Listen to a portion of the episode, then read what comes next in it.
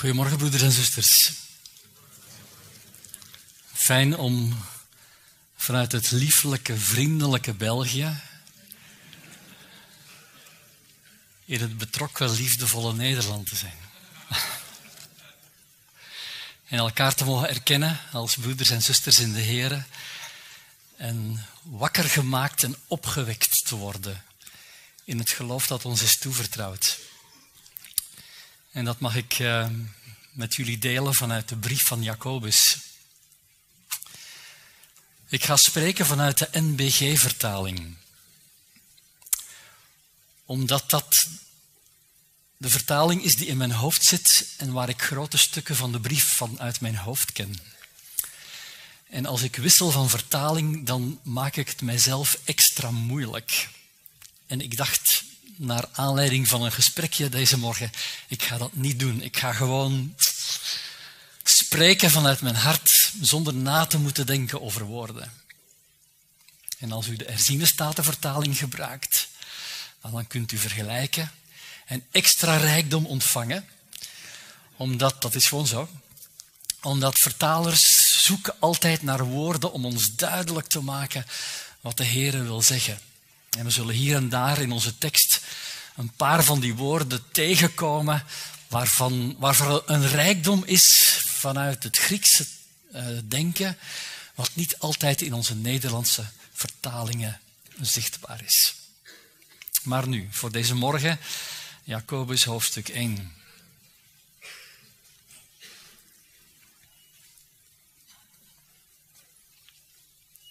Houd het voor enkel vreugde, mijn broeders. Ik begin in vers 2, maar ik moet in vers 1 beginnen natuurlijk. Hè. Jacobus, een dienstknecht van God en van de Heer Jezus Christus, groet de twaalf stammen in de verstrooiing. Houd het voor enkel vreugde, mijn broeders, wanneer gij in velelei verzoekingen valt. Want gij weet dat de beproefdheid van uw geloof volharding uitwerkt. Maar die volharding moet volkomen doorwerken, zodat gij volkomen en onberispelijk zijt en in niets tekortschiet. Indien echter iemand van u in wijsheid tekortschiet, dan bidde hij God daarom, die aan allen geeft, eenvoudig weg en zonder verwijt en zij zal hem gegeven worden. Maar hij moet bidden in geloof. In geen enkel opzicht twijfelende. Want wie twijfelt gelijkt op een golf van de zee die door de wind aangedreven en opgejaagd wordt. Een zulke mens moet niet menen dat hij iets van de Heer zal ontvangen. Innerlijk verdeeld als hij is, ongestadig op al zijn wegen. Laat de geringe broeder roemen in zijn hoogheid, maar de rijke in zijn geringheid. Want de zon komt op met haar hitte en doet het gras verdorren en zijn bloem valt af en de schoonheid van haar uiterlijk verdwijnt. Zo zal ook de rijke met zijn ondernemingen verwelken. Zalig is de man die in verzoeking volhardt. Want wanneer hij de proef heeft doorstaan, zal hij de kroon van het leven ontvangen die hij beloofd heeft aan wie hem liefhebben. Laat niemand, als hij verzocht wordt, zeggen, ik word van Gods wegen verzocht. Want God kan door het kwade niet verzocht worden en hij zelf brengt ook niemand in verzoeking.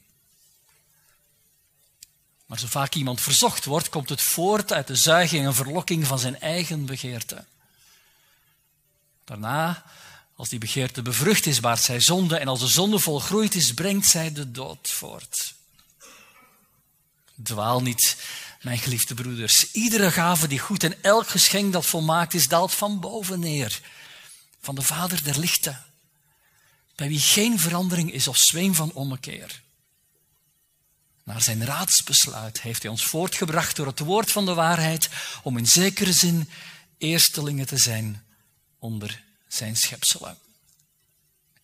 Nou, tot hier. Ik ga straks al verder met de rest van de tekst.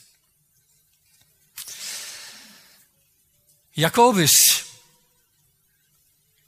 een dienstknecht van God. Oh, hij, had, hij had hele andere inleidingen kunnen verzinnen bij de start van zijn brief. Hij had kunnen zeggen, Jacobus, de voorzitter van het apostelconvent. Dat klinkt interessanter, is het niet? Als je kan zeggen, ik ben de directeur, of ik ben de baas, of ik ben... En, en dan zeg je iets waar anderen van onder de indruk zouden moeten komen. Of, of Jacobus, de broer van de Heer Jezus. Dat klinkt ook interessant. Maar stel je voor dat je de broer van de Heer Jezus bent. En je hebt dan een broer, de Heer Jezus, die liegt nooit. Die is altijd gehoorzaam aan zijn ouders. Die is volkomen betrouwbaar, ook in de dingen waar je zelf niet betrouwbaar in bent. Hij doet het altijd prima. Wat heeft het voor Jacobus betekend om de Heer Jezus als broer te hebben en aan te kijken tegen de heiland van de wereld? Het is eigenlijk vreemd dat die Jacobus, wanneer de Heer Jezus eigenlijk op het punt staat zijn leven te geven voor onze zonde, op een bepaald moment samen met de broers van de Heer Jezus zegt, Jezus, het wordt tijd dat je u laat zien. Ga naar Jeruzalem. Doe iets. En de Heer Jezus moet zeggen, mijn tijd is nog niet gekomen. Jacobus, je snapt echt niet waar het over gaat. En zo kan het ook in ons leven zijn. We horen veel over de Heer Jezus. We hebben de woorden van de Bijbel misschien met de paplepel binnengekregen. En toch snappen we niet waar het over gaat. Dat zou kunnen te maken hebben met, met, met dat begin van deze tekst. Jacobus, een dienstknecht van God en van de Heer Jezus Christus. Zie je, je, je leert God maar kennen als je een dienaar wil zijn. Als je een slaaf wil zijn. Als je beseft, ik ben mijn eigen eigenaar niet meer. Ik ben het eigendom van een ander. Die zijn leven voor mij heeft afgelegd. Want een, een dienstknecht die zet geen hoog woord op tegen zijn meester. Een dienstknecht gaat niet in verzet. Een dienstknecht heeft geleerd om zijn knieën te buigen. En blijkbaar heeft Jacobus dat geleerd. Na zijn tijd van vragen heeft hij zijn knieën gebogen. De trots van het hart moet ruimte scheppen voor nederigheid. Want anders blijf je in die vragen zitten. En een van de dingen die Jacobus wil doen, is eigenlijk die vragen van ons wegnemen. Jacobus, een dienstknecht van God en van de Heer Jezus Christus, groet de twaalf stammen in de verstrooiing. In de HSV staat er, wees blij, wees verheugd, in plaats van gegroet. Nou, dat, dat betekent het ook. Het is een groet met blijdschap. Het is een zalige groet. Aan de twaalf stammen in de verstrooiing. Nou, dat, dat is de verstrooiing die ontstaan is nadat Stefanus is gestenigd. Nou, moet je je voorstellen, de Heer Jezus is gestorven, dat was een en al ellende voor de discipelen, maar hij is opgestaan. En de Heilige Geest is uitgestort. En de eerste gemeente groeide als kool, er was liefde. Er was betrokkenheid, er was gemeenschap der heiligen. Ze bestudeerden het woord, er waren gebeden met elkaar. En ze vierden het avondmaal samen. En, en ik denk dat velen hebben gedacht, nu gaat het gebeuren. Nu is het onherroepelijk. De Messias staat voor de deur. Hij komt. Alles wordt nieuw. En dan komt de verstrooiing. Het kan ook in ons leven zo zijn. Dat, dat we denken, ik heb mijn leven aan de Heer gegeven. Alles wordt nieuw. Maar dan komt de verstrooiing. Dan komt de test van het geloof. En ik vind Jacobus pastoraal niet zo denderend goed. Dit, is niet hoe wij in onze cursussen van het Centrum voor Pastorale Counseling leren hoe mensen betrokkenheid moeten tonen. Want eigenlijk zegt hij, ben je werkloos geworden? Wees blij. Ben je ziek? Wees verheugd. Heb je een moeilijk huwelijk? Fantastisch. Nou, u kunt uw eigen ellende hierin vullen, uw eigen verstrooiing. En Jacobus zegt tegen jouw verstrooiing, wees blij. Rare kronkel, is het niet? het is toch geen rare kronkel. Vaak zitten de kronkels in ons eigen hoofd. Houd het voor enkel vreugde, mijn broeders, wanneer gij in vele verzoekingen valt, want gij weet. Gij weet. Gij weet dat de beproefdheid van uw geloof volharding uitwerkt. En dat is nu vaak ons probleem. Wij weten niet. En omdat wij niet weten, komen wij voortdurend in de problemen. Omdat wij niet weten wie God is en hoe Hij werkt, hebben wij continu duizend vragen. En valt Jacobus rauw op ons dak. Brutaal komt hij binnen. Alsof hij geen bewogenheid heeft met de nood waar wij in zitten. En, en deze mensen hadden echt een nood hè, in de verstrooiing. Je bent je huis kwijt, je bent je buren kwijt, je hebt misschien al, al je bezittingen moeten achterlaten, je, je bent moeten vluchten, je bent een vreemdeling geworden in een land waar je niet thuis hoort. Wees blij. Die mensen hadden een moeilijk leven. Maar, Jacobus kon tegen hun zeggen, gij weet. Jullie zien met geestelijke ogen wie God is en hoe hij werkt. En daarom wees blij. Kijk, als je, als je blijdschap zit in dingen die met de aarde te maken hebben, dan is er geen enkele reden om blij te zijn. Of alleen maar tijdelijke redenen. Maar als je blijdschap zit in het volkomen laten doorwerken wat God is begonnen, zodat je volkomen en onberispelijk bent en in niets tekort schiet, dan zoek je dus het heil en de zaligheid niet in de dingen van de aarde, maar dan verwacht je het van boven, van de Vader van de lichten, die het goede geeft aan ieder die hem lief hebben. En Jacobus zegt het vrij krachtig, zodat je in niets tekort schiet. De Heere is mijn herder, mij ontbreekt niets.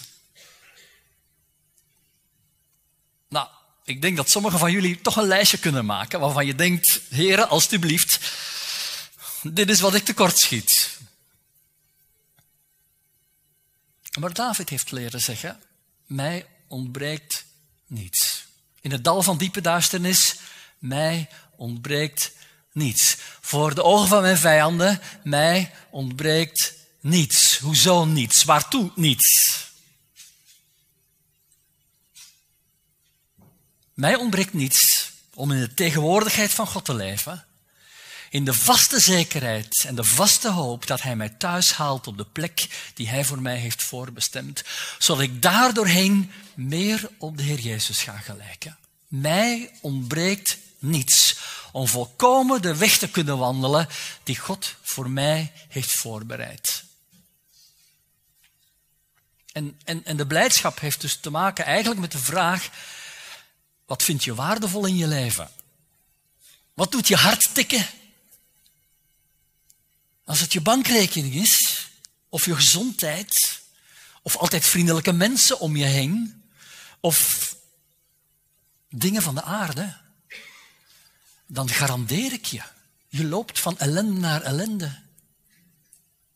Maar als, als je weet dat God alle dingen doet meewerken ten goede voor hen die hem lief hebben, dan weet je dat hij door de verstrooiing van jouw leven een werk is begonnen, waardoor hij je rein en apart wil zetten voor hem en voor hem alleen. Als een koninklijk priesterschap. Een heilige natie. Goden ten eigendom. Om de grote daden te verkondigen van Hem die ons geroepen heeft door Zijn heerlijkheid en macht.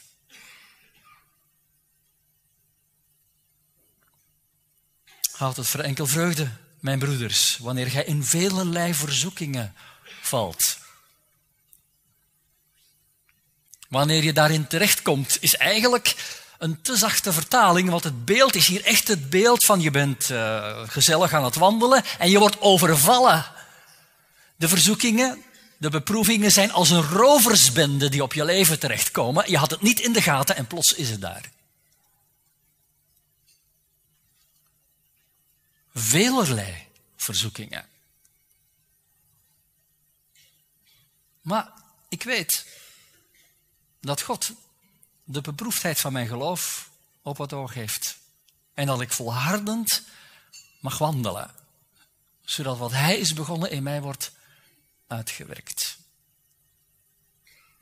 En dat is een proces. De volharding moet volkomen, doorwerken zodat je volkomen en onberispelijk zijt en in niets tekort schiet. Nou, wie is volkomen en onberispelijk? Wie mag naderen tot de heilige berg van God? Hij die rein is van hart, zuiver van handen. Dat is de Heer Jezus.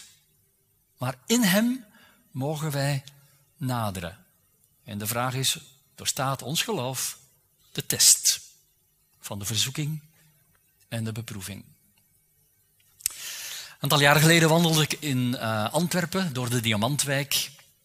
Uh, alleen maar om te kijken. En er komt een man uh, langs. En uh, die doet zijn jas open. En langs de binnenkant van zijn jas hangen een heleboel horloges. En de vraag was of ik er eentje wilde kopen. Ik dacht, dit, dit is niet, uh, dat, dat, is iets louche. Hier is iets wat niet klopt. Ik had ook geen horloge nodig. Maar ze, ze blonken wel. Ze leken wel echt. En al die diamanten achter de uitstalramen, ze leken wel echt. Maar als je mij zou vragen om echt van vals te onderscheiden, ik zou het echt niet weten. Maar weet je hoe je een echte diamant kan herkennen? Nou, sommigen gaan met hun ring op het glas krassen en zo, maar dan is je ring misschien kapot. Um, als je een echte diamant onder water legt en je laat boven het water een spot uh, branden, dan is die diamant onder water nog in staat om licht te reflecteren. Met andere woorden, hij behoudt zijn vermogen van reflectie ook wanneer die onder water is. Met glas kan je dat niet. Glas verliest zijn vermogen om licht te reflecteren onder water. Dus dames, thuis allemaal eens proberen. Ik weet niet wat je van je man hebt gekregen, maar nu kunt u het weten. Weet je hoe je een echte parel kan onderscheiden? Nou, als je een parel hebt, dan moet je die tussen je tanden nemen en opbijten. En, en met je tanden heen en weer gaan. En als het knerst, dan is het een echte parel. Als die niet derst, dan, dan, dan is het een waardeloos ding. Dan is het namaak plastic en het is zo glad dat het niet knerst tussen je tanden. De test van de echtheid. Die, die hebben we nodig in deze materiële dingen, maar ook in het geestelijke. Weet je hoe je een echte christen kan erkennen?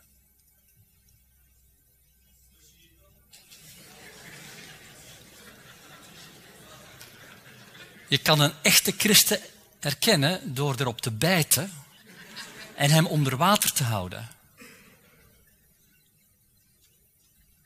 Je kan een echte christen erkennen door erop te bijten en hem onder water te houden.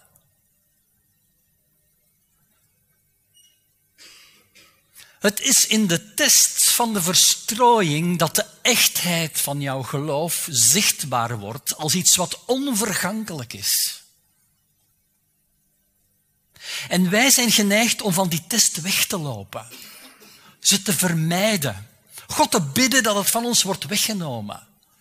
Nou, gelukkig doet hij dat ook wel vaak. Maar hij is ook een vader die zijn kinderen tuchtigt.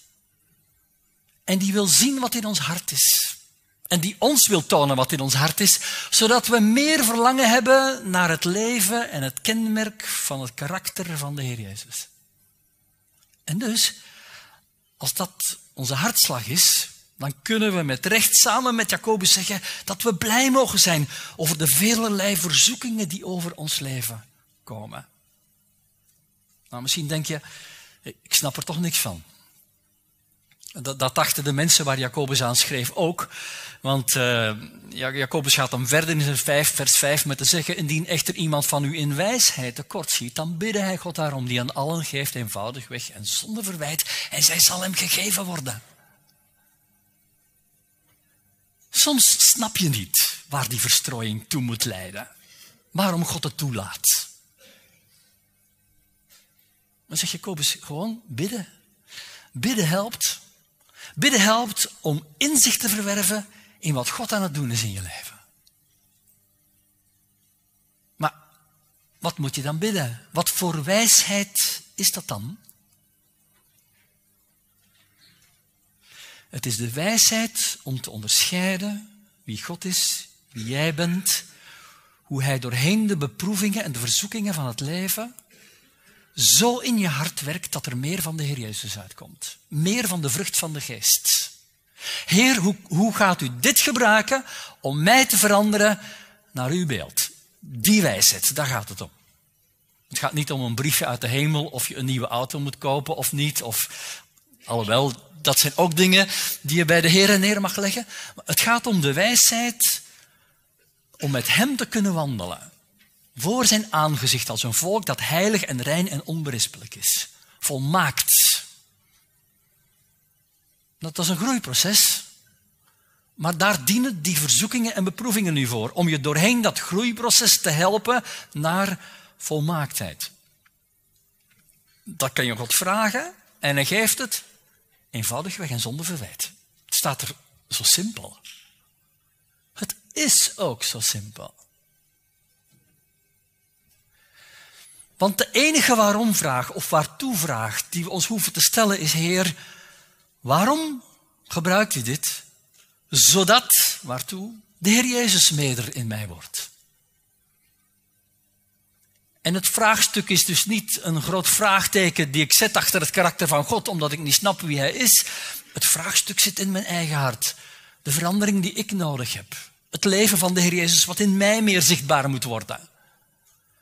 En ik kan daarvoor bidden. En God is een vader die juist dat met mij op het oog heeft. Daartoe heeft hij mij geroepen. Daartoe heeft hij mij getrokken uit de duisternis tot zijn kostbaar licht. En ik mag bidden in geloof, in geen enkel opzicht twijfelende. Nou, wat het niet is, is het volgende. Heer, ik geloof. Ik geloof. Ja, Heer, ik geloof. En deze Bijbeltekst en, en, en deze waarheid. En ik geloof, ik geloof. En je pept jezelf op in je geloof. Het geloof waar het hier over gaat, is gewoon het geloof van Jacobus, vers 1. Jacobus die zegt, ik ben een dienstknecht. Het is het geloof van de man en de vrouw die zijn knie baagt en zegt, Heer, ik snap het niet, maar hier ben ik. Ik geloof. Ik hoef niks op te peppen, want ik heb, ik heb, ik heb ook niks. Maar u bent alles. Ik heb alleen maar zwakheid, maar in u is kracht. Ik worstel met mijn zonde, maar in u is heilig leven. Ik strijd met vergevingsgezindheid, maar u hebt mij vergeven. Help mij om te worden zoals u. Daar hoef je niks voor op te peppen. Daar hoef je alleen maar naar de Heer Jezus te kijken. Zie je, zolang je naar jezelf kijkt, dan blijf je gewoon in de verwarring zitten. Straks gaat het over een geringe broeder. Dat, dat is iemand die niks in huis heeft. Nou, zolang hij naar zijn geringheid kijkt, en naar zijn zwakheid en zijn overmogen en zijn zonde en al zijn ellende gaat er niks veranderen.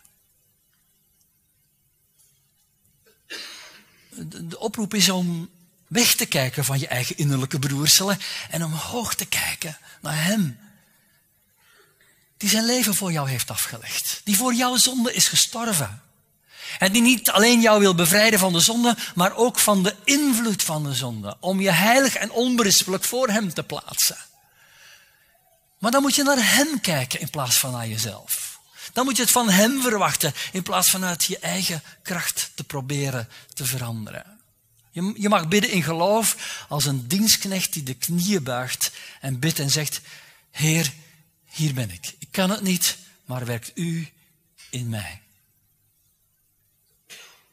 Dat is het geloof. En de afwezigheid van twijfel. Als je, als je niet zo gelooft, dan ben je als een golf van de zee. Door de wind op en neer. Opgejaagd. Onstandvastig. Onberekenbaar waar het uitkomt. Innerlijk verdeeld. Dubbelhartig. Er staat eigenlijk in het Grieks als iemand die twee zielen heeft. En je ene ziel zegt, Heer, ik bouw op u. En je andere ziel zegt, ik heb het fundament van de aarde nodig. Geef mij gezondheid, geef mij rijkdom, geef mij vriendelijke mensen. De ene ziel zegt, ik leef voor u alleen. En de andere ziel zegt, ik heb, een lange rij van dingen die God mij moet geven voordat ik mij aan hem toevertrouw. Dubbelhartig. Dubbelhartig op al je wegen. Ik vind het straf dat Jacobus dat schrijft aan christenen. Allee, ik ga er wel van uit, want hij spreekt over broeders. En als hij zegt broeders, dan, dan sluit hij zichzelf eigenlijk in in het geheel. Wij zijn deel van dezelfde worsteling, maar ook, we hebben ook deel aan dezelfde oplossing. Het is een oplossing met een grote hoofdletter. Het is de Heer Jezus die onze oplossing is. We hoeven niet door de wind aangedreven en opgejaagd te worden. We hoeven niet innerlijk verdeeld te zijn. Als we maar op de knieën gaan, als we maar dienstknechten willen zijn, dan mogen we iets van de Heer ontvangen. Die wijsheid hebben we nodig. Nou, die, komt alleen maar als we beseffen dat we zwakke mensen zijn. Laat de geringe broeder roemen in zijn hoogheid maar de rijke in zijn geringheid. De eenvoudige. De arme van geest. Degene die niks in huis heeft. Degene die zegt, ik ben failliet. Ik kan het leven van God niet uit eigen vermogen leven. Degene die capituleert voor de redder en de schepper van hemel en aarde de geringe. Weet je, als je gering bent en dat zo voelt en ervaart, dan heb je een gigantisch voordeel. Want het is echt moeilijk als je rijk bent. Als je rijk bent, dan kan je je eigen weg door het leven kopen. Dan heb je nog eigen vermogen. Dan heb je de centen om het te betalen. Of de sociale vaardigheden om je er doorheen te praten als je ergens wil terechtkomen.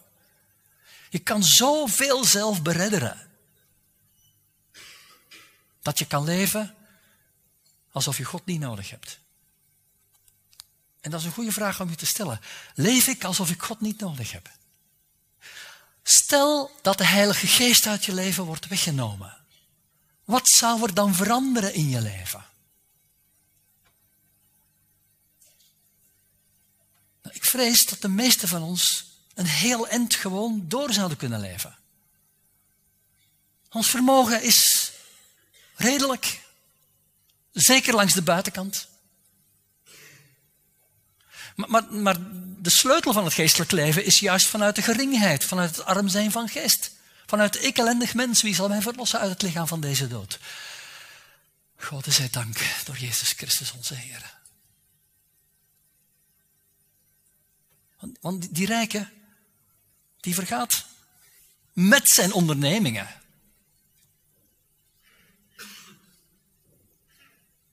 Hij die denkt, ja, ik ga een schuur bouwen en ik ga van alles uh, ondernemen. Jij die niet eens weet hoe, of je er morgen nog zal zijn.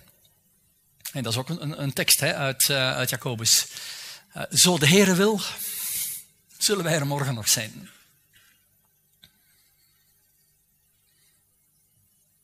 Dus laten we roemen in onze hoogheid. Nou, niet de onze, maar de zijne die we hebben ontvangen. God heeft de armen uitverkoren om rijk te zijn in Hem. Hij roept de verbrokenen van hart. Degenen die de ellende ervaren in hun ziel. En die voor Hem beven. Het is geen beven in angst, het is beven in ontzag, in vrezen des Heren, die je doet schalen bij de Allerhoogste. En hij trekt je uit de duisternis tot zijn wonderbaar licht. Er is niets hogers dan dat. Laat de geringe broeders roemen in zijn hoogheid. Blijf niet kijken in je geringheid, kijk op hem. Want anders gaat je leven vergaan. En het gras verdort en je schoonheid verdwijnt. En alles wat je onderneemt gaat ten onder.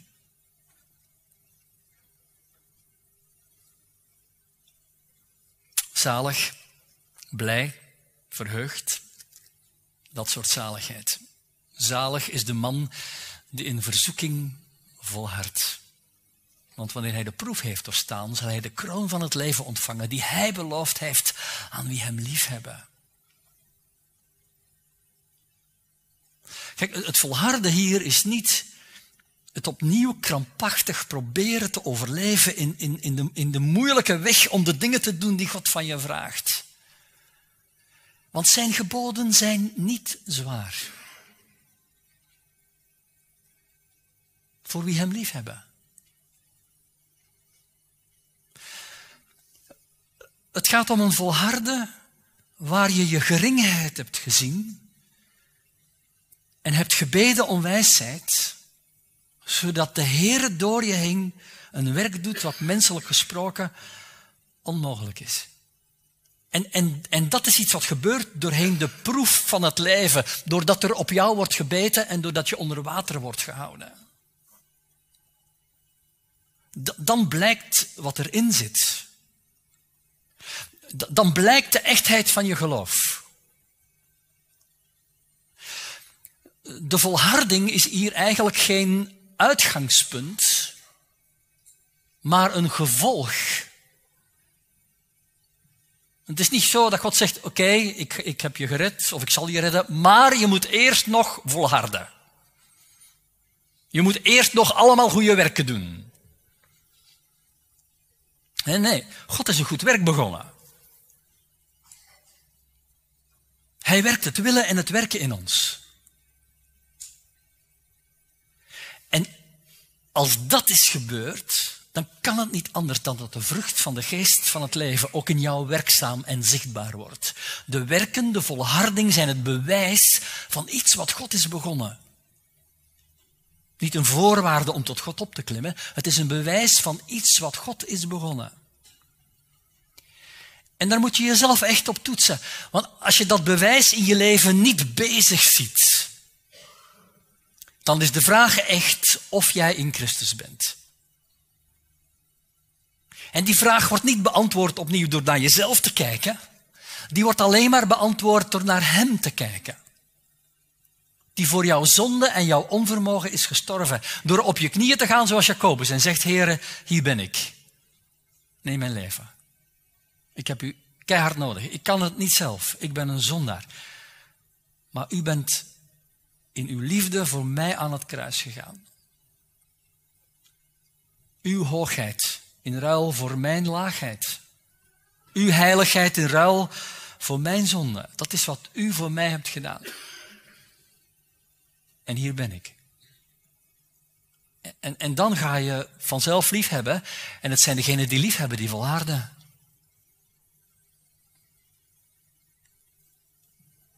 En die de kroon van het leven ontvangen. Die hij beloofd heeft aan wie hem lief hebben. Zie je, als je hem niet lief hebt, dan is het chaos. Als je hem niet lief hebt, dan snap je niks van de moeilijkheden van het leven. Maar als je hem lief hebt, dan weet je dat hij alle dingen doet meewerken ten goede voor hen die hem lief hebben. Alle dingen, alle ellende, alle zonden van jezelf en van een ander ook. Zelfs dat. Dat betekent niet dat we dan moeten extra zondigen zodat hij meer genade kan geven. Dat is wat Paulus ook uh, zegt en waar hij voor waarschuwt. Maar zelfs onze zonde dwingt ons om naar hem te rennen. Dat is nu net het kenmerk van degene die wedergeboren is. Hij kan niet in de zonde blijven leven. De goddeloze kan makkelijk in de zonde blijven leven. Die heeft daar geen moeite mee. Maar als je er moeite mee hebt, dan is God een goed werk in je begonnen. Dan weet je dat Hij je heeft liefgehad en zijn geest in jou heeft uitgestort en dat Hij nu de volgende stap in je leven wil zetten, namelijk dat Hij naast het feit dat Hij je rechtvaardig heeft verklaard in Christus, je ook rechtvaardig wil maken in de praktijk van je leven. Een volk heilig en rein, Hem ten eigendom. En dat is een groeiproces. En in dat groeiproces hebben we die verzoekingen en beproevingen nodig, zodanig dat daardoorheen de vrucht van de geest zichtbaar wordt. De vrucht van de geest groeit het best in omstandigheden die haar proberen stuk te maken. Dat ga ik nog eens zeggen. De vrucht van de geest groeit het best in omstandigheden die haar proberen stuk te maken. Als het makkelijk gaat, dan heb je geen zelfbeheersing of geduld nodig. Het is gewoon, het gaat vanzelf. Maar als het moeilijk gaat, dan zeg je, Heere, help, verander mijn hart. Meer van u, minder van mij. Meer van uw geest, minder van mijn eigen vermogen. De vrucht van de geest groeit het best in omstandigheden die haar proberen stuk te maken. En, en, en hij wil werken, want dat heeft hij beloofd aan wie hem liefhebben. De kroon van het leven. Nou, die kroon, dat is iets wat je ontvangt nadat je de wedloop hebt gelopen. En we moeten wel een wedloop lopen. Daar gaat het volgende stukje over. Laat niemand als hij verzocht wordt zeggen, ik word van Gods wegen verzocht. Maar God kan door het kwade niet verzocht worden en hij zelf brengt ook niemand in verzoeking. Het woordje wat hier staat voor verzoeking betekent tegelijkertijd in het Grieks beproeving. Nou, onze vertaler moet natuurlijk kiezen. Hij gaat die, gaat die verzoeking of beproeving schrijven. Maar het is eigenlijk een verzoekingbeproeving of een beproeving-verzoeking. Dus één, één pakketje in dat ene woord.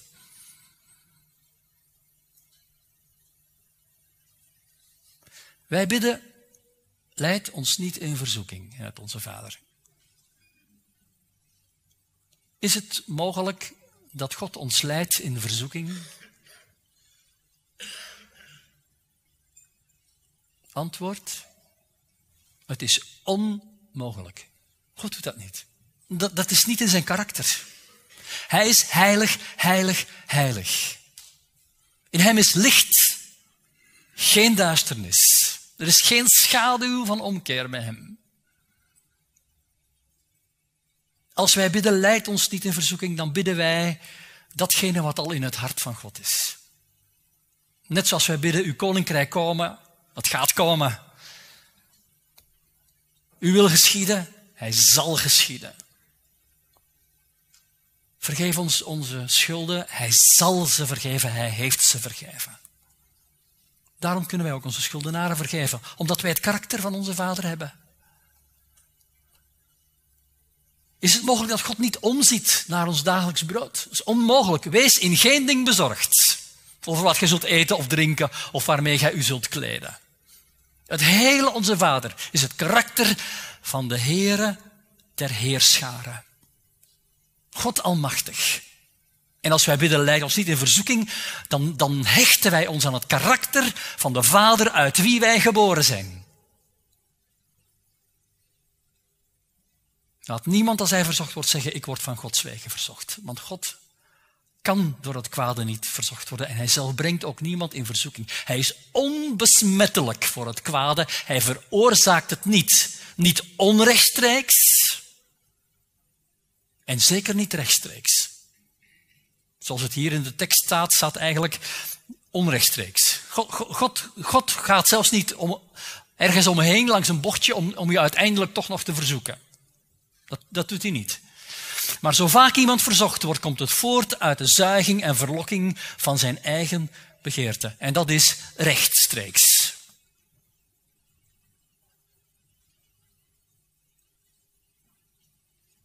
Ik hoor deze niet graag.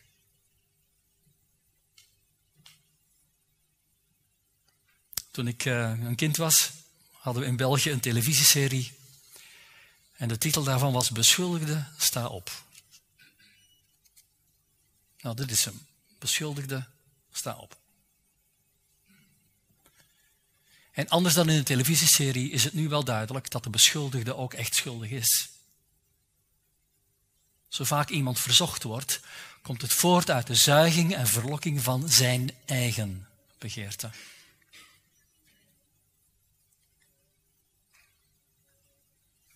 De vrouw die gij mij gegeven hebt.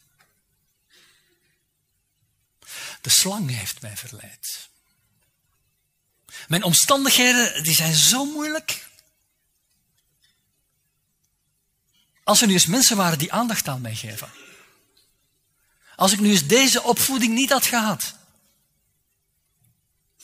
En we wijzen voortdurend naar de dingen van de aarde. Dingen die God geschapen heeft, mensen die God heeft geschapen. En uiteindelijk zeggen we, Heer, waarom laat u dit toe? Met andere woorden, u bent verantwoordelijk. En Jacobus zegt, no way. Laat niemand als hij verzocht wordt zeggen, ik word van Gods wegen verzocht. Want God kan door het kwade niet verzocht worden en hij zelf brengt ook niemand in verzoeking. Maar zo vaak iemand verzocht wordt, komt het voort uit de zuiging en verlokking van zijn eigen begeerte. Beschuldigde, sta op.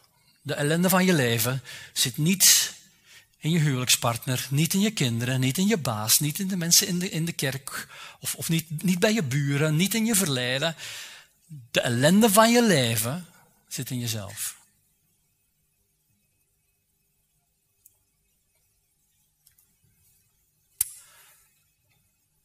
Een muis eet graag kaas. Wat is er in de kaas? Waarom de muis hem graag opeet?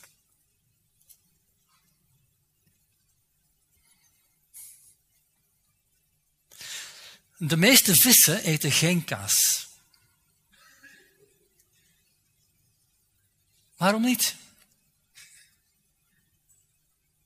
Wat is er in de kaas? Waarom de muis bijt en de vis niet?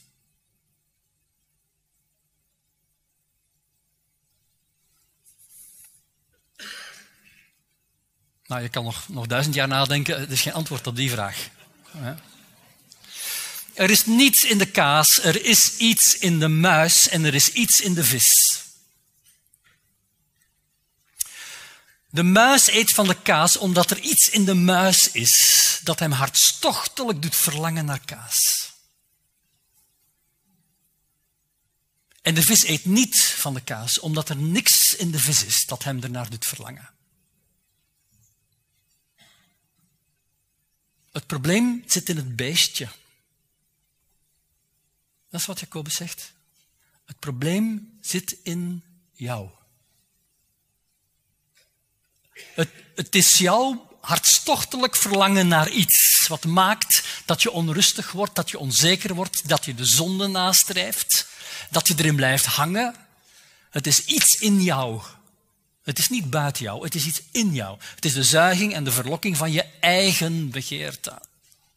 Kijk, als het iets anders zou zijn, als het je man of je vrouw of je kinderen of je buurman, of, of als het allemaal die uiterlijke dingen zou, dan heb, je, dan heb je niks om op te staan en geen enkele sleutel om aan te draaien.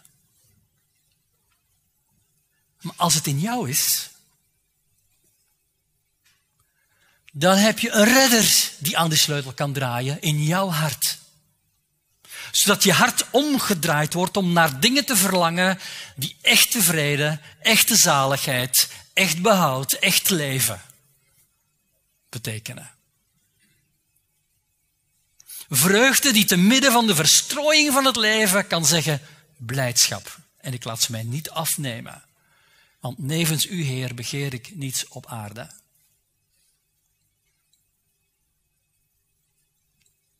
De zuiging en verlokking van je begeerte die bevrucht wordt. Wat gebeurt er als je iets bevrucht?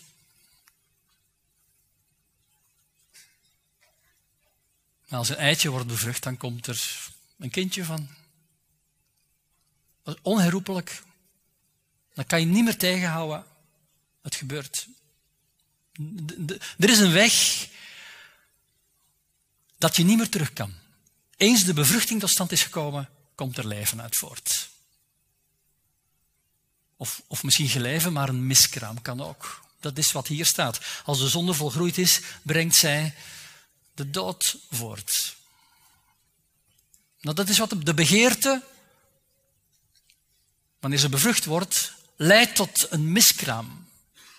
tot dood, tot nog meer ellende. En de vraag is natuurlijk, hoe kan ik, mijn, hoe kan ik voorkomen dat die begeerte wordt bevrucht?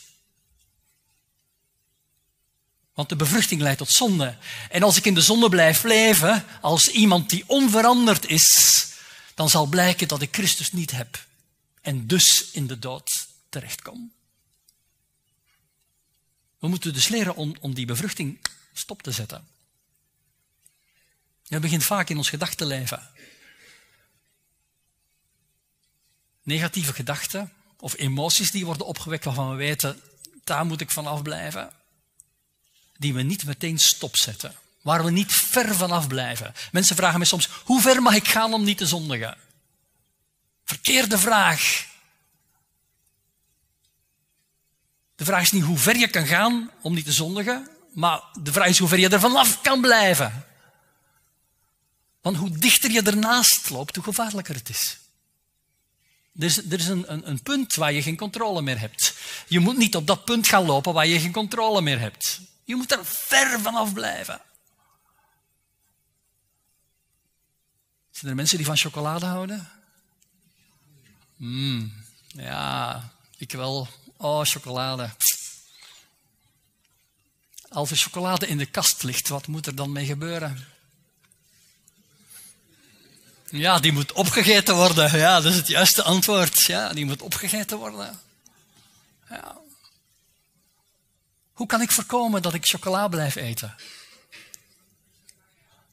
Nou, ik kan Herlinde vragen om de kast op slot te doen. Ik hak mijn hand af en ik ruk mijn oog uit. Ik doe, ik, ik doe dingen die eigenlijk kunstmatig zijn, maar ik heb ze nodig om beveiligd te worden.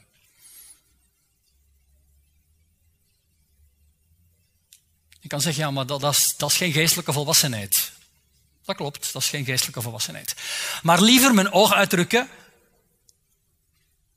dan met mijn ogen in onreinheid te leven en terechtkomen waar ik niet wil terechtkomen. Nu, wij hebben geen sleutel op onze kast. Er ligt nu chocolade in de kast. Ik kan, ik kan hem nu prima laten liggen.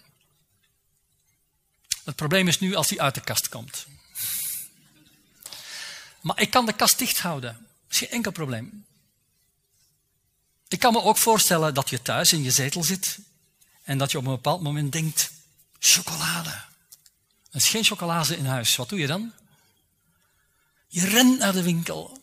Je gaat chocolade kopen. Je, alleen al de gedachte aan chocolade betekent dat je verkocht bent. Nou, wat is jouw punt waar je geen controle meer hebt? Het kan de gedachte aan chocola zijn. Het kan zijn dat je in, langs het winkelrek loopt waar je niet moet lopen. Het kan zijn dat je dingen in huis hebt waar het niet moet liggen. Het kan zijn dat de kast is opengemaakt terwijl hij dicht had moeten blijven. Wat is jouw point of no return? Dan moet je proberen te verhinderen dat dat wordt bevrucht. Het kan verschillend zijn voor ieder van ons, maar je, je kan er best zo ver mogelijk van afblijven. Eigenlijk het veiligste is geen chocola in huis. En dus zeg ik tegen mezelf, als de gedachte aan chocolade komt of andere dingen, het gaat natuurlijk over andere dingen. Het gaat over dingen die onze begeerte opwekken, die ons aftrekken van de wil van de Heer. Dan zeg ik tegen mezelf, stop, dit wil ik niet. Help Heer, want dit kan niet. Ik ben te gering en te zwak en te armoedig. Maar ik dank u dat in u is kracht om elke zonde te overwinnen. En ik prijs uw naam. Stop maar elk geschenk en elke gave wat goed is en volmaakt. Hij is de vader van de lichten die alles heeft gemaakt. Geen verandering in hem. Hij is betrouwbaar en goed. Dwaal niet. Want er is een raadsbesluit over je leven. Hij heeft je voortgebracht door het woord van de waarheid. Om in zekere zin eerstelingen te zijn onder zijn schepselen. Hier is ook leven wat ontstaat, ook een bevruchting. Maar het is de bevruchting van het woord van de waarheid dat leven van de hemel tot stand brengt. En waar, waar, we primeurs worden, samen met de Heer Jezus. In de hele schepping. Omdat hij een besluit over ons heeft genomen en hij een werk is begonnen wat hij ook zal afmaken. Ik vind het zo mooi dat, dat die hele strijd van de begeerte, vers 13 tot, tot 15 en 16, eigenlijk ingesloten in zit tussen de versen die ervoor gaan, uiteraard. Namelijk de kroon van het leven die hij beloofd heeft. En de versen die volgen, zijn raadsbesluit dat ons voortgebracht heeft door het woord van de waarheid. Met andere woorden, onze strijd is niet in het luchtledige. Onze strijd is omgeven door de belofte en het karakter van de Vader. Die zijn goedheid in ons wil uitwerken. En omdat die zekerheid om mij heen staat, strijd ik de goede strijd van het geloof. Niet uit mezelf, maar vanuit zijn vermogen. Nou, niet voor niks gaat uh, Jacobus dan verder. In vers 19 door te zeggen, weet dit mijn geliefde broeders, ieder mens moet snel zijn om te horen, langzaam om te spreken, langzaam tot toorn, want de toorn van de man brengt geen gerechtigheid voor God voort. Het gaat hier niet om toorn tegenover elkander. In de context gaat het over toorn tegenover God. Als je bedenkingen hebt bij hoe God in je leven werkt, dan moet je snel zijn om te horen.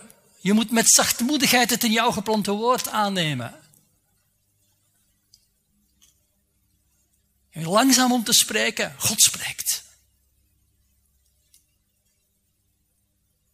We doen me denken aan een gedeelte uit Filippenzen 2. Waar Paulus de gemeente oproept om gehoorzaam te zijn, ook wanneer die afwezig is. En dan zegt hij, het is God die het willen en het werken in je werkt. En hij zegt ook, je moet je behoudenis bewerken of uitwerken, je zaligheid uitwerken met vrees en beven.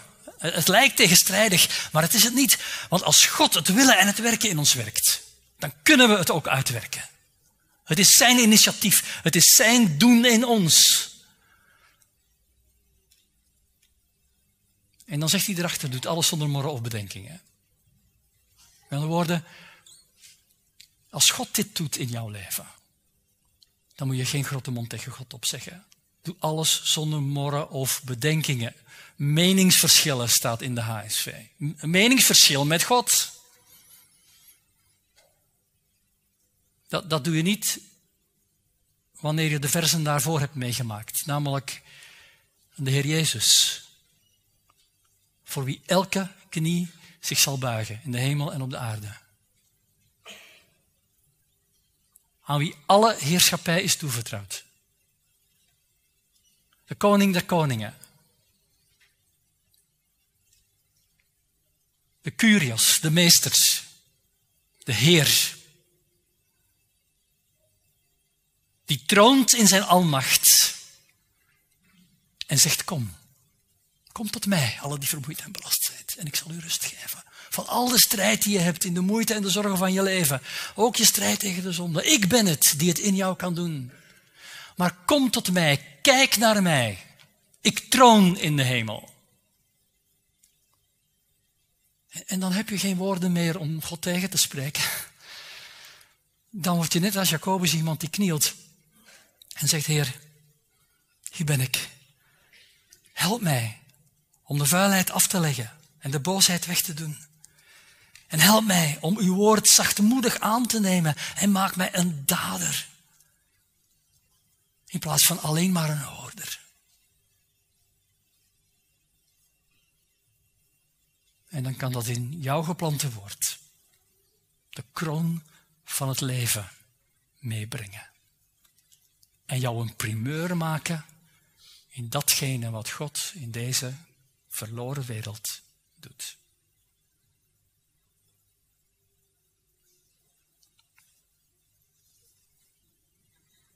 Nu is het examen. Kijken of je goed geluisterd hebt. Hoe meer zielen, hoe meer.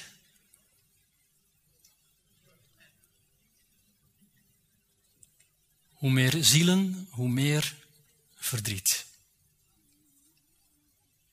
Gij die innerlijk verdeeld zijt, gij die twee zielen hebt, hoe meer zielen, hoe meer verdriet. Hoe meer problemen, hoe meer vreugd. Ja. Nou, laat het niet alleen een test zijn in je hoofd, maar de waarheid van je hart, omdat je Hem ontmoet die jou dat wil geven. Door Zijn genade, door Zijn raadsbesluit. En het enige wat jij moet doen, zeggen, Heer, hier ben ik. Dat is Zijn oproep tot jou. Laat ons bidden.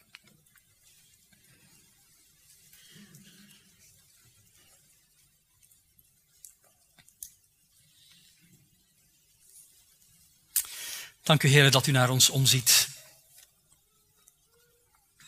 Want wie zijn wij?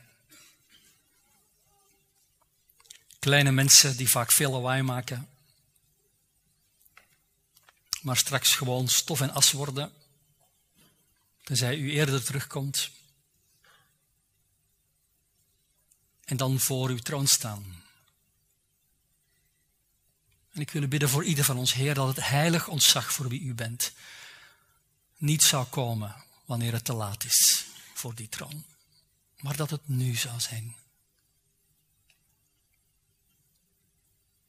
U die zichzelf openbaart als de schepper, de almachtige, de rots waarop we mogen vertrouwen, de burcht waarin we kunnen schuilen.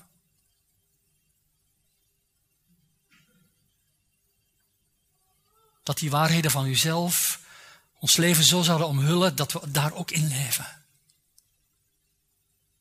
kan alleen, Heer, als uw woord en uw geest een krachtig werk in ons doet. En ik wil bidden dat u honger en dorst wilt geven naar uw woord van de waarheid. Dat u uw lief heeft, uw woord zal bewaren. En dat zal blijken dat door alles heen het uw werk is en niet het onze. Uw roeping. En niet ons zoeken, maar u die ons vindt. En wij die gewoon mogen zeggen, Heer, hier zijn we. Doe met ons zoals het u behaagt. Opdat door alles heen de test van ons geloof uw heerlijkheid zou proclameren, de eer van uw naam zou verhogen, zou bewijzen dat u bent werkelijk de redder van hemel en aarde, die alles nieuw zal maken, zowel boven als beneden. Zo help ons om dat te zoeken en onze begeerte daar te zetten. En ons gebeden om wijsheid zo in te vullen. Opdat meer van u en minder van ons door ons heen zou werken tot eer van uw naam. Amen.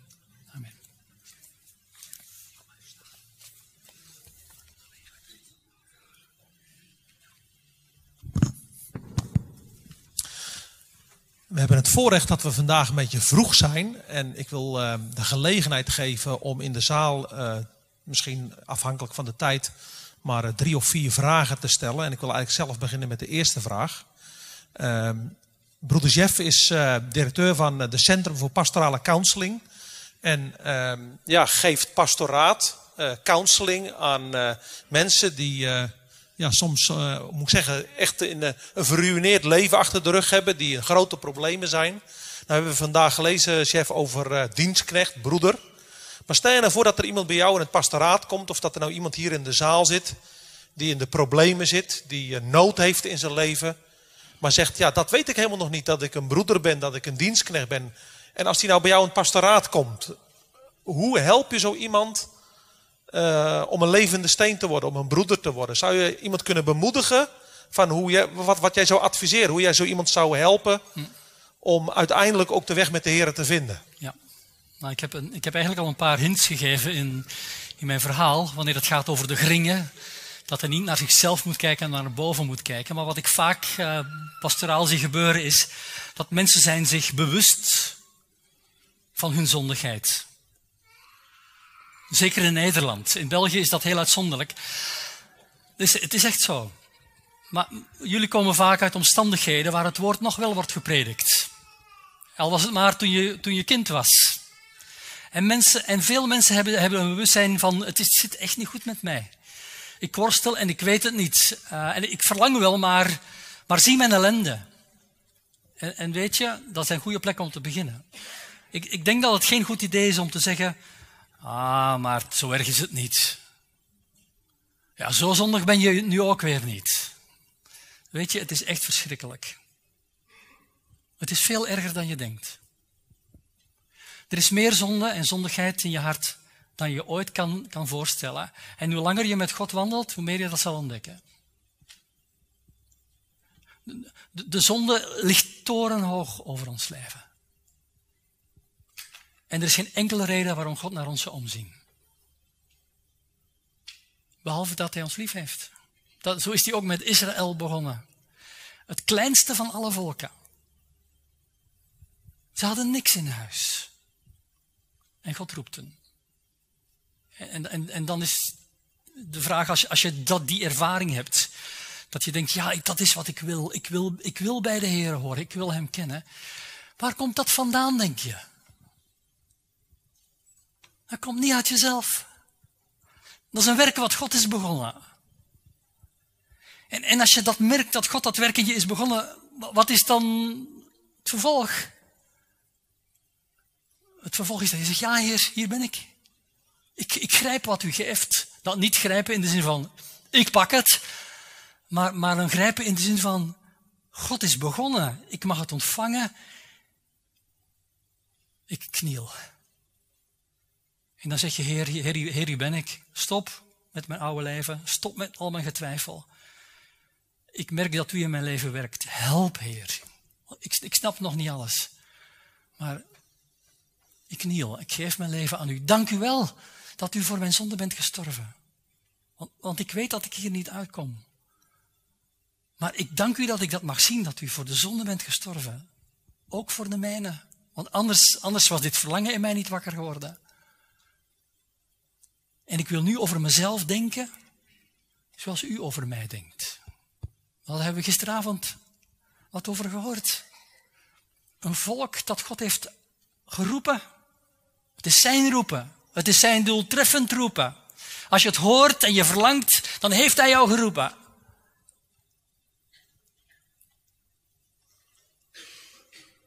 Om jou apart te zetten. In een koninklijk geslacht om hem te eren. En dan zeg je, Heer, hier ben ik, ik kniel. Nou, ik vind het altijd een beetje gevaarlijk om te zeggen, als je de Heer Jezus wil aannemen, dan moet je doen 1, 2, 3, 4, 5. Dan hebben we het weer gemaakt. Zie je? Dan is het weer ons eigen ding. Maar wat niet je eigen ding is, is wat de Heilige Geest in je hart heeft wakker gemaakt. En hij zegt, kom. En hoe jij komt? Sommigen gaan op hun knieën, anderen bidden een gebed. Misschien moet je wel beide doen. Maar je zegt, Heer, u roept, ik kom. Dat is wat Jezaja ook deed. Hè? Ik ben een man, onrein van lippen, en ik woon te midden van een volk dat onrein van lippen is. Hij kan God niet dienen. En komt er een engel van het altaar met een kool en hij raakt hem aan zijn lippen. Dat is de meest pijnlijke plek van je lichaam. En zo is het vaak ook met ons. Als God ons roept, dan raakt hij ons op de meest pijnlijke plek. Waar ons onvermogen en waar onze zonde is. Maar hij raakt hem om hem te reinigen. Dan moet je wel even doorheen de pijn. Maar als je de Heer laat reinigen en zegt, Heer, doe maar. Het bloed van de Heer Jezus reinigt van alle zonde. Heer, werk uw werk in mij. Dan komt er ook een dag dat de Heer vraagt, en wie zal ik zenden? En dan zegt Jezaja, zend mij. Waarom kan hij dat zeggen, zend mij? Nou, niet omdat hij zoveel in huis heeft en denkt, ik ga het hier even doen, of ik ga mijn menselijk vermogen aanspreken, maar hij heeft de genade, de overweldigende genade van de reinigende kracht gezien die God gegeven heeft over zijn onreine leven. En wij mogen zoveel meer zien dan Jezaja ziet. Wij zien de Heer Jezus gekruisigd voor onze zonde. En we kunnen zeggen, Heer, hier is mijn leven. Dit is mijn zonde. Ik haat ze volkomen. En eigenlijk ook niet, want ik hou ervan. Ik wil er niet van houden. Maar ik kniel voor het kruis. En voor de Heer Jezus, die voor mijn zonde is gestorven. En ik beleid. en ik bekeer mij. Moet je radicale keuzes maken in je leven. En help mij om uw weg te bewandelen. Dank u wel dat uw genade er ook is voor mij die u niet heeft gezocht. Maar u bent het in mij begonnen. Chef, kan je dan mensen helpen, pastoraal, die uiteindelijk niet het woord willen gehoorzamen en uh, verlangen naar een, uh, een relatie met God, een gemeenschap met God? Dat is natuurlijk heel moeilijk, hè? want het is het woord van de waarheid dat maakt dat mensen tot verandering komen. Um, dat is iets wat ik in een later, uh, misschien herhaal ik dat dan, vanavond of morgen ook nog wel eens een keertje. Als je weerstand hebt tegen het woord van God, heb je ook weerstand tegen degene die het woord predikt. En het is het hart dat zelfstandig de controle wil houden en niet wil knielen, maar het zelf wil hebben en beredderen, dat niet bereid is om dienstknecht te worden. En dat is echt een vraag die je moet stellen. Je moet uit je hoogmoed uit. En je moet naar de nederigheid. Ik gebruik het woordje moeten. Dat we horen niet graag moeten. Hm. Nou, je, moet, je moet niet. Maar er komt toch een dag dat je zal knielen. Dat, dat je zal moeten knielen. Nu mag je. En het is dus wel van belang die vraag is niet, is niet onbelangrijk, die Arjan stelde, dat hij zegt, ja, ik wil mij naar dat woord uitstrekken, want in het woord is leven. En het woord is ook de Heer Jezus. En in het woord is het licht die mijn duisternis kan overwinnen. Dus het is echt van belang om je voor dat woord te buigen. Dat is de enige weg tot behoud. Vanuit de zaal misschien een vraag. Jullie hebben na kunnen denken? Arie? Het lijkt mij essentieel, als ik goed begrepen heb, dat, je, dat we afleren de schuld naar een ander te schuiven. En dat was eigenlijk de tweede zonde al van Adam en Eva. En, en het zit in ons eigen hart en het zit in de, om ons heen, in de hele sociëteit en de hele maatschappij. Mhm. Kun je dat nog iets onderstrepen graag? Ja, wij, zoeken de oplossing van de problemen vaak buiten ons. En ik denk dat de reden daarvan is dat, we, dat onze, ons hartverlangen is naar een gemakkelijk leven minder ellende, meer vriendelijke mensen, wat meer centen op mijn bankrekening, uh, zalig en gelukkig wonen, naar, naar, naar de normen van hoe het in de wereld er naartoe gaat. We zeggen natuurlijk niet dat wij wereld zijn, oh nee, want dat past niet in onze mooie christelijke cultuur. Maar de feiten van ons leven zijn vaak dat ons, ons hele hartstocht verlangt naar een makkelijk leven. Terwijl Jacobus zegt, je moet niet verlangen naar een makkelijk leven, je moet verlangen naar een heilig leven. In de tegenwoordigheid van God, die een vader is die het goede geeft, zodat je volmaakt en onberispelijk bent en in niets tekort schiet. En dus de sleutel daarvan ligt niet in het veranderen van omstandigheden, maar ligt in het veranderen van je eigen hart. Kijk, en, en dan, dan, dan verandert je huwelijk misschien niet. Of blijf je misschien met een verzoeking waar je al twintig jaar mee worstelt, de komende twintig jaar ook mee worstelen. Maar het hart dat worstelt verandert. Waardoor te midden van de worsteling ook vrede van God kan zijn. Het is jouw eigen hartsverandering die helpt staan wanneer de wind blaast, zodat hij niet op en neer gaat, ongestadig, onberekenbaar op al je wegen. Om innerlijke rust te hebben, moet je je innerlijke, jouw eigen innerlijke, door God laten veranderen. In plaats van proberen anderen te veranderen. Je ziet dat bij de vrouw die haar man moet onderdanig zijn, wat moet ze doen tegenover haar man die de Heer niet kent of ongehoorzaam is? Nou, ze moet niet proberen haar man te veranderen, ze moet zelf veranderen.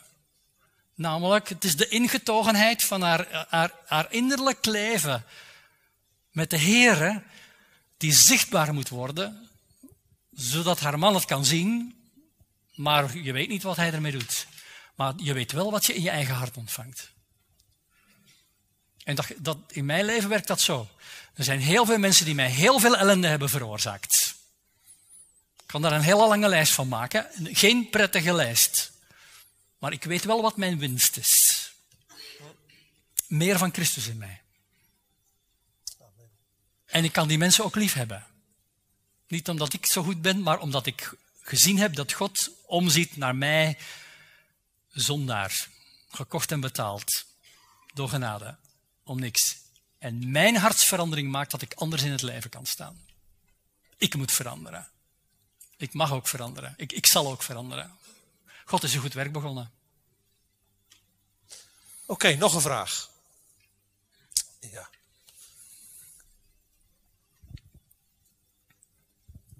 Broeder, eh, bedankt in ieder geval voor de boodschap net.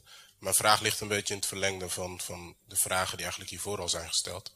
Stel dat iemand in een pastoraal gesprek naar u toe komt en die, um, ja, die, die beleidt een christen te zijn, die erkent ook, ook de woorden die u net heeft gesproken vanuit Jacobus, maar die tegelijkertijd ja, zo verbitterd is door uh, ja, de situaties, de dingen die gebeurd zijn in het verleden, uh, ja, dat die persoon zeg maar vast blijft in het wijzen naar omstandigheden, naar het verleden, naar allemaal dingen die gebeurd zijn. Het doet mij persoonlijk zelf denken aan, aan, aan bijvoorbeeld de rijke jongeling die dan uh, in eerste instantie aangeeft, ja maar ik heb dit gedaan, ik heb voor mijn naasten gezorgd, ik, ik, ik, ik, ik geef mijn tiende, ik doe dit en dat. En, en, en Jezus die prikt daar doorheen en die laat eigenlijk zien dat er nog iets mis is, zeg maar. En, en, en het is natuurlijk, Jezus zei dat niemand komen tenzij de Vader hem trekken, maar dat is een werk wat God moet doen. Als iemand zich moet overgeven aan God, dat moet God werken in iemands hart.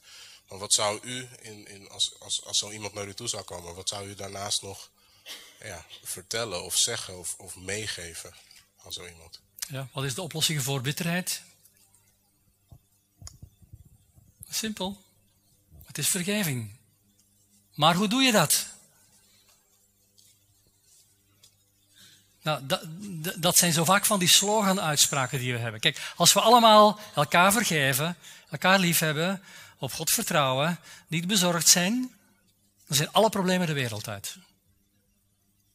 Dan heb je geen enkel moeite in je gezin. Geen enkele strijd in je hart. Alles is opgelost. Waarom doen we dat dan niet?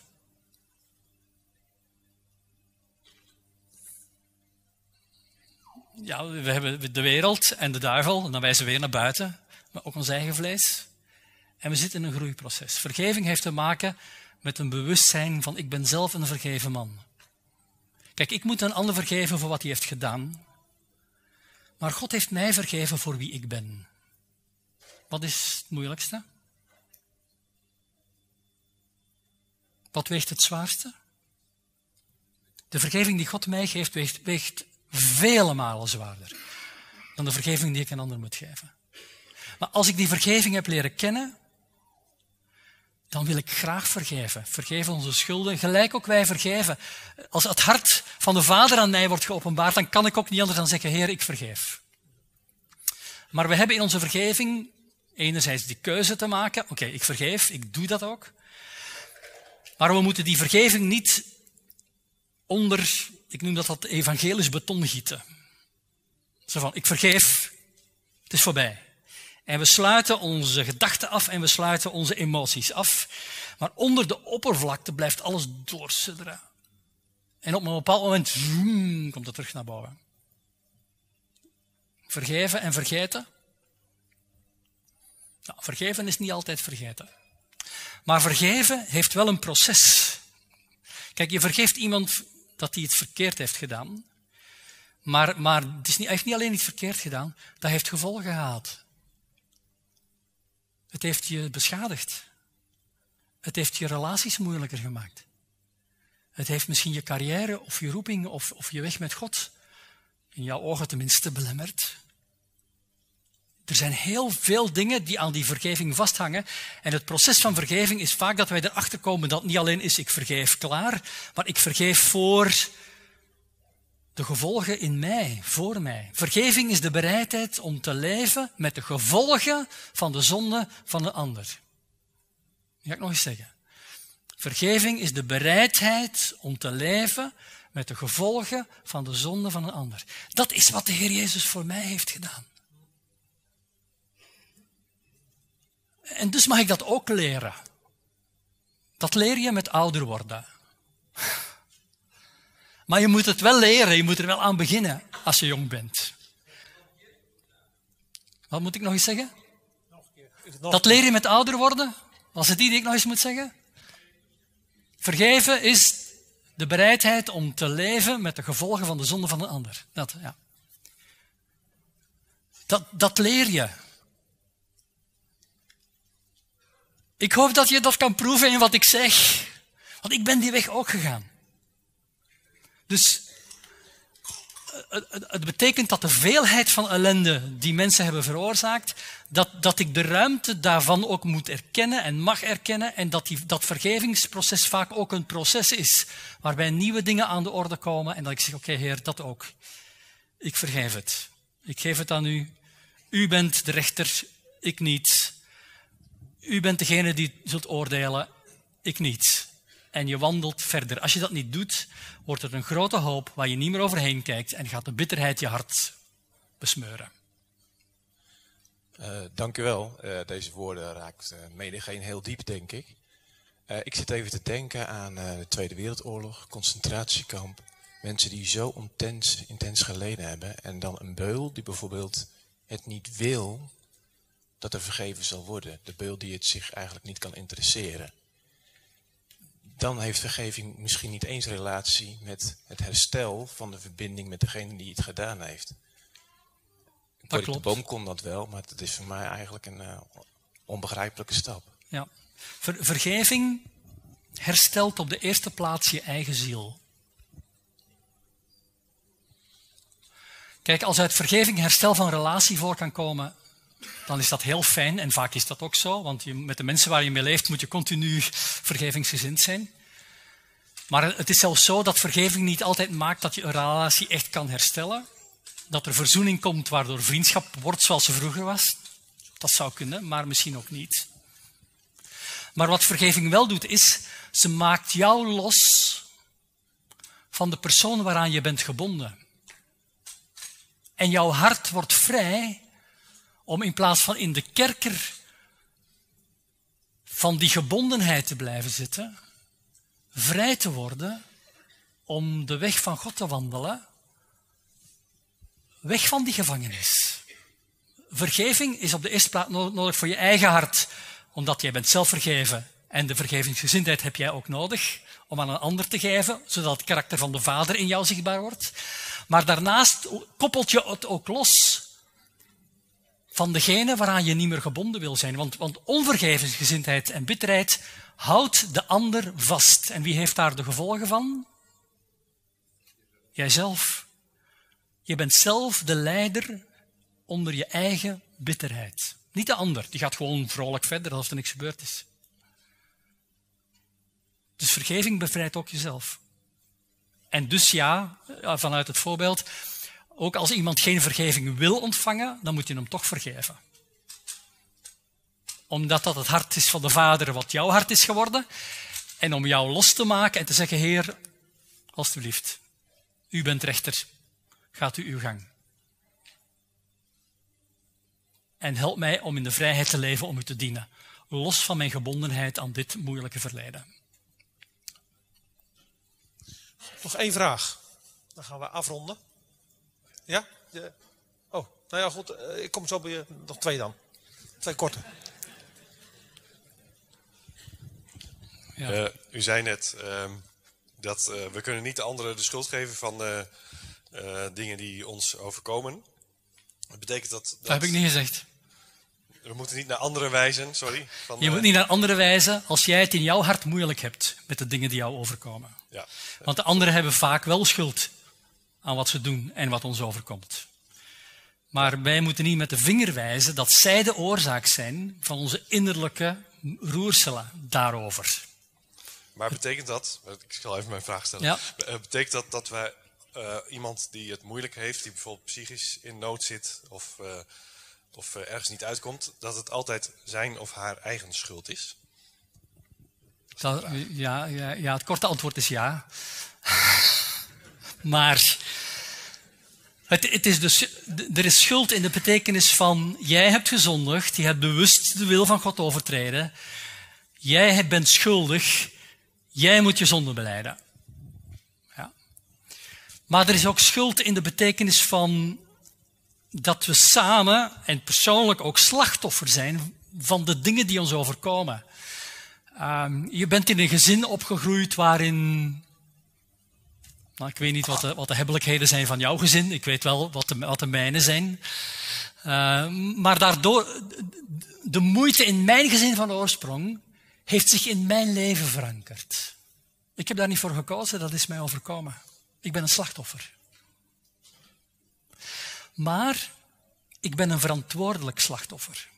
Niet in de zin van dat ik verantwoordelijk ben van wat anderen mij hebben aangedaan, maar ik ben wel verantwoordelijk voor hoe ik daarop reageer.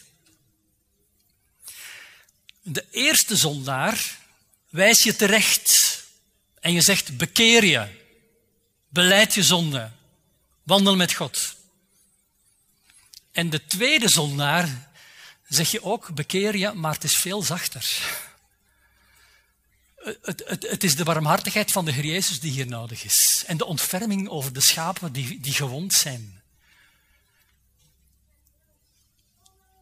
En hij veroordeelt niet. Hij begrijpt wel.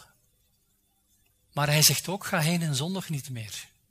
Dat wil zeggen, je mag in een groeiproces komen om ook datgene wat je uit je verleden hebt meegedragen, om daarin tot verandering te komen. Nou, als je 20, 30, 40 jaar in een bepaald stramien, een gewoonte hebt geleefd, van negatief denken of van, van minderwaardigheidsgevoelens of schuld of wat het dan ook is, dan los je dat niet klik in één keer op met een gebed te bidden of een bijbeltekst voor te lezen. Je zal moeten de goede strijd van het geloof leren strijden. En sommigen van ons die, die hebben eigenlijk vaak, wat het, wat het psychische betreft, een makkelijke start. Ze zijn in, in, in goede gezinnen opgegroeid. Ze hebben een, een relatief makkelijk leven gehad. En, en, en ze zijn als de rijken die een heleboel dingen in huis heeft en zelf kan. En, en als ze dan met het evangelie in, in aanraking komen, dan weten ze ook vrij snel op dat juiste spoor verder te bouwen. Maar als je uit, uit ellende komt, dan gaat dat niet zo snel. Dan heb je achterstand opgelopen. Maar dat is, dat is niet zo erg. De Heer kijkt niet hoe ver je psychisch bent gekomen. Hij, hij kijkt of je in afhankelijkheid van Hem wandelt. En je moet dan niet proberen te leven zoals je buurman of je buurvrouw. Of... Het is je eigen pad met God. Wat, wat voor sommige mensen heel veel verbrokenheid met zich meedraagt. God zal alle tranen wissen. Op een dag word je er echt van bevrijd. En, en je mag leren om in afhankelijkheid stap voor stap te wandelen. Daar heb je zelf voor jezelf geduld mee nodig.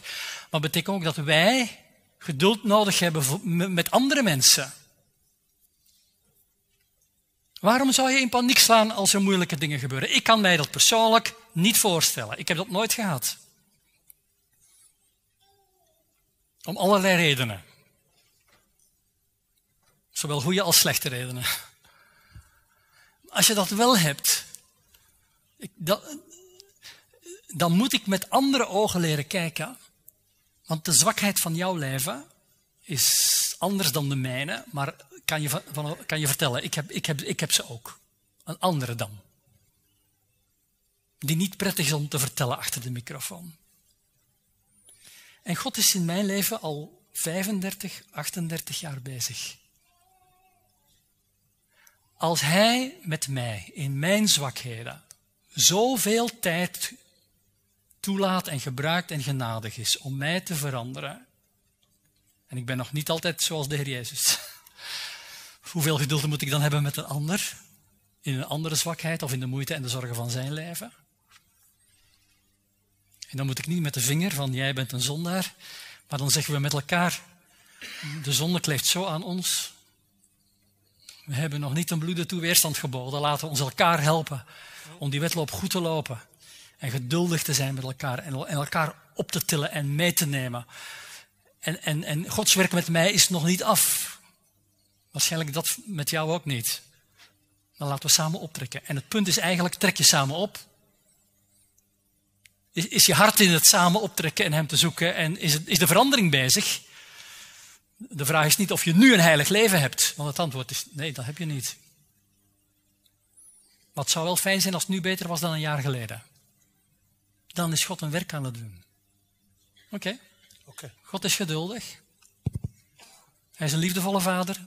Die zelfs onze zondigheid, die we over de jaren heen opbouwen, gebruikt voor iets fantastisch. Meer van de Heer Jezus in ons. Maar ik zou eigenlijk het liefste hebben dat Hij nu ons komt halen. Oké, laatste vraag. Chef, ehm, in Jacobus 1 staat het achter voor grote vreugde als je in menigerlei beproeving, verzoeking valt. Ja.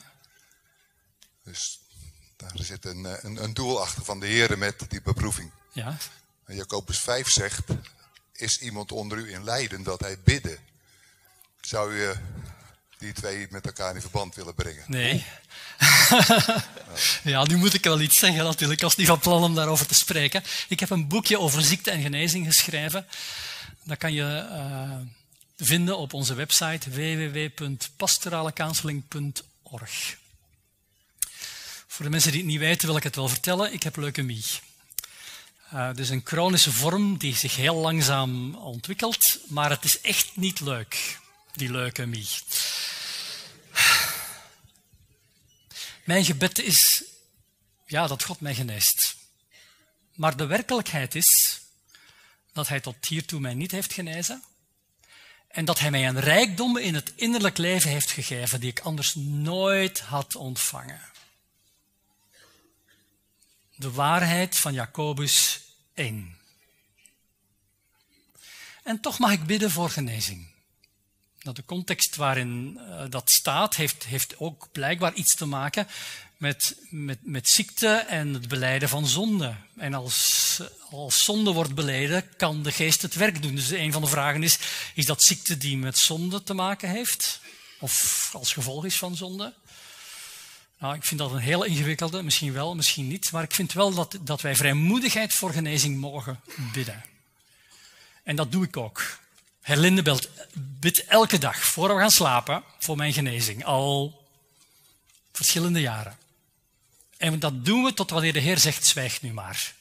Ik heb jou die doorn in het vlees gegeven, dat is goed voor jou, hou hem, dat gaat je helpen. Nou, het is goed voor mij, ik ervaar het ook zo, maar ik heb tot hiertoe niet de indruk dat God zegt, ik, je moet hem houden. Maar misschien ook wel, ik weet het eigenlijk niet. Ik heb de wijsheid nodig om hierin te kunnen staan. Maar dat, dat neemt niet weg dat ik voor genezing mag bidden, want alle goede gaven komen van boven. En weet je, ik ben 59, dat is niet tenderend oud. Maar hoeveel jaar heb ik nog? Zo, als dit nu de ziekte is waaraan ik sterf, zo wat?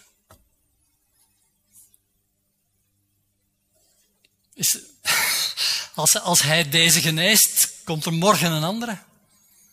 De verbrokenheid van deze zondigheid in deze kapotte wereld maakt dat ik deel heb aan de vruchteloosheid die God heeft in zijn raadsbesluit verordend, zodat wij deel zouden hebben daaraan, opdat te midden van het deel hebben aan die verdorvenheid en zondigheid, hij zijn werk van herstel en reiniging en opstandingsleven zou kunnen tonen. En soms doet hij dat met een genezing. Maar soms ook niet doet hij het op andere manieren. De Heer Jezus heeft ook niet iedereen genezen die hij tegenkwam. Velen wel, maar anderen niet. En dus ik wil mijn knie buigen en bidden in geloof dat hij het kan, maar ook het geloof dat hij geeft wat ik nodig heb, zodanig dat ik op een dag voor zijn troon mag staan en dat hij zegt, wel gedaan, goede en getrouwe dienstknecht de dienstknecht zoals Jacobus, die te midden van de beproevingen en de verzoekingen van het leven uitziet naar wat God doet, maar zich wel schikt in zijn soeverein besluit. Niet passief leidzaam ondergaand, maar actief staand in datgene wat God geeft, zodat zijn eer wordt verkondigd.